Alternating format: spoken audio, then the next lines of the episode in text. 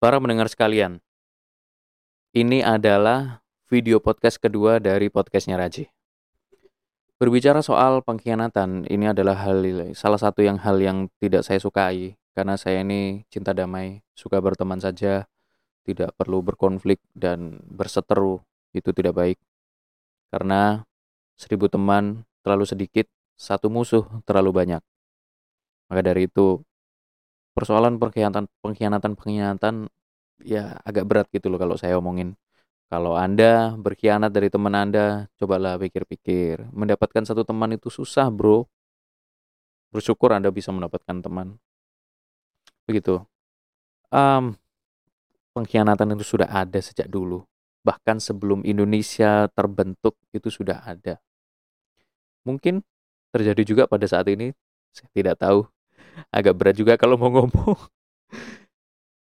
Yang jelas yang mau saya omongin, pengkhianatan itu sudah terjadi sejak zaman dahulu kala sebelum Indonesia ini kebentuk dan saat itu posisinya Indonesia kita ini masih terpecah-pecah dalam bentuk kerajaan-kerajaan. Kalau di Jawa, khususnya di Jawa Tengah ya, di, di Jawa yang maksudnya sebagian besar Pulau Jawa, waktu itu ada kerajaan Mataram Islam. Di Sumatera ada kerajaan Pagaruyung, ada juga Kesultanan Siak.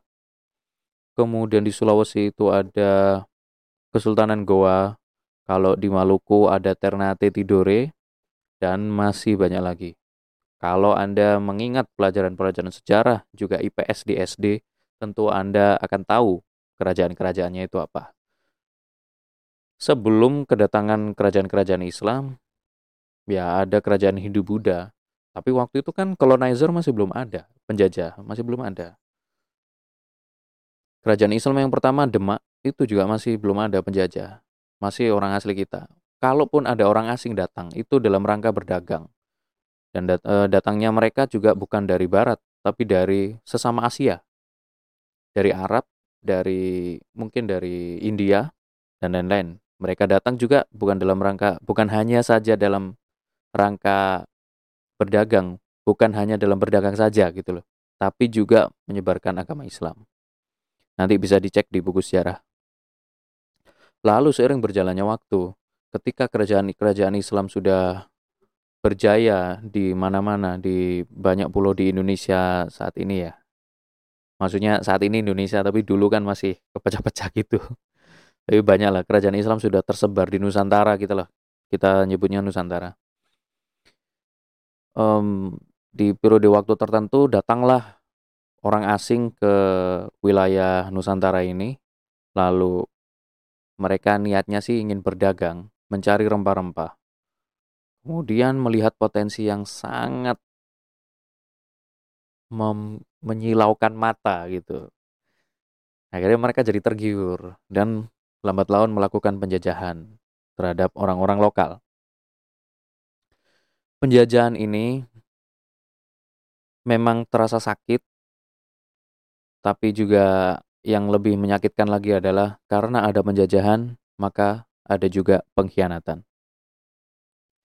Yang sering kita dengar, pengkhianatan ini dalam bentuk eh, orang-orang uh, asli kita, orang-orang pribumi itu menjadi bawahannya atau pesuruhnya para penjajah.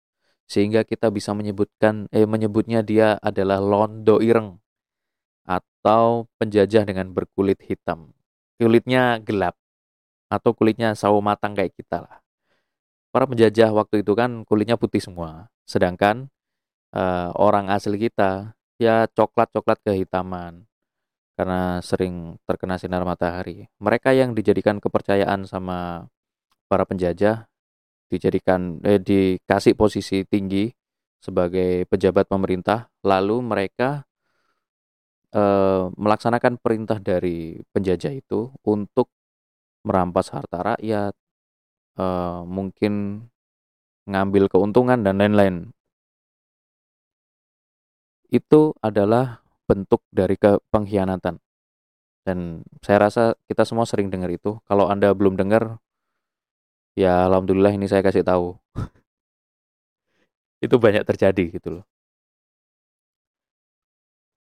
Saya coba ambil ya, saya jadi teringat salah satu kajian dari sebuah artikel yang pernah saya tulis bersama dosen pembimbing saya. Judulnya judul, judul artikel ini adalah Nusantara Sasi, Teori Dekolonisasi Negara dan Penguatan Nasionalisme di Nusantara. Saya sebagai penulis kedua karena yang saya kontribusi saya di tulisan ini adalah hanya sekadar editing kemudian menambahkan data-data beberapa lalu merapikan juga menambah beberapa referensi. Tapi nggak banyak. Sedangkan idenya full dari dosen pembimbing saya. Kemudian juga mungkin beberapa referensi juga banyak dari dosen pembimbing saya karena memang beliau fokus kajiannya itu di Nusantara. Nah, ini artikel kan ngomong soal dekolonisasi kan, sehingga wajar aja bahasnya soal colonization, uh, Indonesia, Malaysia, dan pokoknya Asia Tenggara pada masa sebelum kemerdekaannya, uh, kebentuknya negara-negara bangsa itu, dan lain-lain berkaitan dengan itu pokoknya. Nah, ada juga pembahasan tentang strategi penjajah dalam melakukan kolonialisasi. Di sini ada tiga strategi. Yang pertama, memecah kekuasaan lokal dan menciptakan keretakan pimpinan. Yang kedua, memisahkan masyarakat lokal dan melemahkan solidaritas sosial. Yang ketiga, membangun sistem pemerintahan kolonial uh, dalam bentuk negara bangsa. Yang ini prinsipnya adalah prinsip Westphalian bergaya barat. Ini adalah bentuk negara yang seperti saat ini, yaitu negara bangsa ya seperti Indonesia, Malaysia, Singapura, Brunei dan lain-lain. Nggak tahu kalau Brunei, Brunei masih dalam bentuk uh, kerajaan tapi namanya juga jadi negara juga sih semuanya nih yang yang ada saat ini gitu loh. Nah, saya pengen me menggarisbawahi yang strategi yang pertama. Strategi jajahan. Pen, eh, strategi penjajah yang pertama yaitu memecah kekuasaan lokal dan menciptakan keretakan pimpinan. Ini terjadi, ini sering terjadi.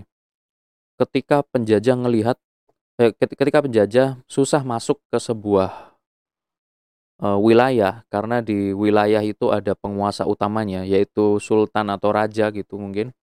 Maka yang dilakukan oleh penjajah ini adalah datang ke pusat pemerintahannya menemui si sultan atau menemui si raja.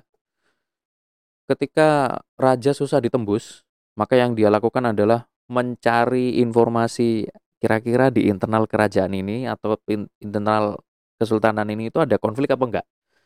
Kalau misalkan ada konflik kecil-kecilan misalkan si adiknya raja itu punya dendam sama si raja karena harusnya si adik itu yang dapat tahta sedangkan kakaknya malahan yang dapat tahta gitu loh. Dia merasa ini tuh hakku bukan hakmu karena kamu lahir dari uh, dari selir bukan dari permaisuri. Ya gitu misalkan. Makanya si adik mem pengen meminta hak. Nah yang kayak gitu-gitu itu menjadi sasaran empuk para penjajah untuk dimasukin dia masuk di situ bernegosiasi di sana dan memulai perpecahan. Negosiasinya gimana? Misalkan yang saya contohkan tadi adalah si adiknya sultan itu membenci si sultan yang jadi. Karena dia merasa dia harusnya dapat tahta, bukan si sultan itu. Nah, penjajah datang, dia tawarkan si adik itu dengan kalau kamu mau melakukan pemberontakan, kami siap membantu. Tapi dengan syarat, nanti kerajaanmu harus kerjasama dengan kami.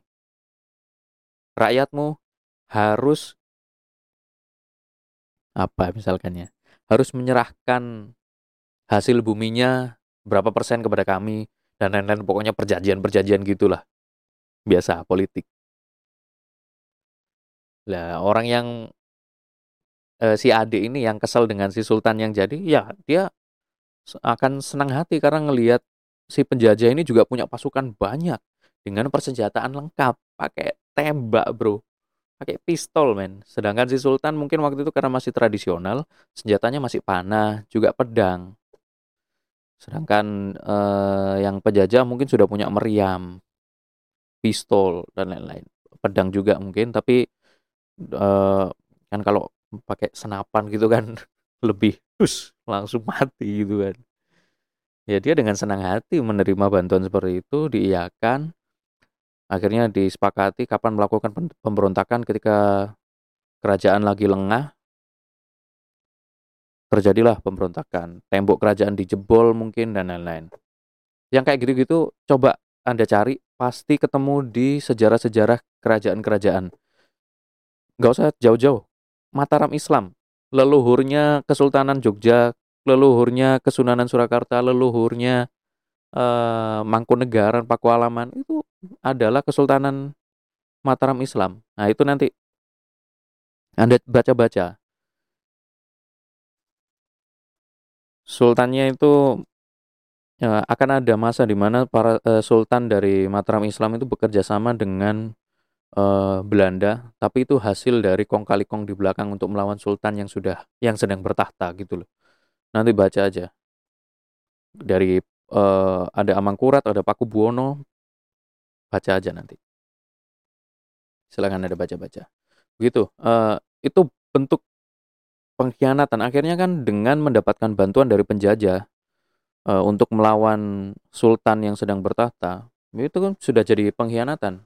Karena sultan uh, kondisinya sultan ini sedang mempertahankan wilayahnya biar rakyatnya itu tidak disakiti oleh penjajah. Si penjajah ini juga biar penjajah tidak sewenang-wenang mengeruk kekayaan yang ada di tanah air ini gitu loh. Tapi ada pengkhianat karena sudah diiming-imingi pasukan untuk melawan uh, sultan yang bertahta biar dia bisa dapat tahtanya balik. Eh, bukan bukan balik, tapi dia dapat tahtanya, merebut tahta gitu. Separah pokoknya. Ya akhirnya yang kayak gitu itu sering terjadi. Itu bentuk pengkhianatan dan mungkin uh, akan terus terjadi sampai detik ini, kalau kita mau coba kritis, ya pasti Anda bisa membaca lah bagaimana kondisi sosial, kondisi kenegaraan kita. Apakah ada praktek-praktek seperti itu? Bisa jadi iya, bisa jadi tidak. Saya nggak berani ngomong. Belum berani karena kajiannya belum dalam. Kira-kira gitu soal pengkhianatan. So, Sekali kita berkhianat, mungkin nafsu kita akan terlampiaskan di awal, tapi pada setelahnya kita nggak ngerti. Dan kalau teman-teman baca di sejarah, para para petinggi-petinggi kerajaan yang berkhianat itu tadi dengan dia mendapatkan bala tentara dari penjajah, mereka pada akhirnya mendapatkan tahta yang diinginkan. Tapi sebagai konsekuensi, mereka harus habis-habisan menuruti keinginan penjajah habis-habisan. Yang rugi siapa? Rakyatnya, kasihan rakyatnya. Itu. Terima kasih. Sampai jumpa di episode berikutnya.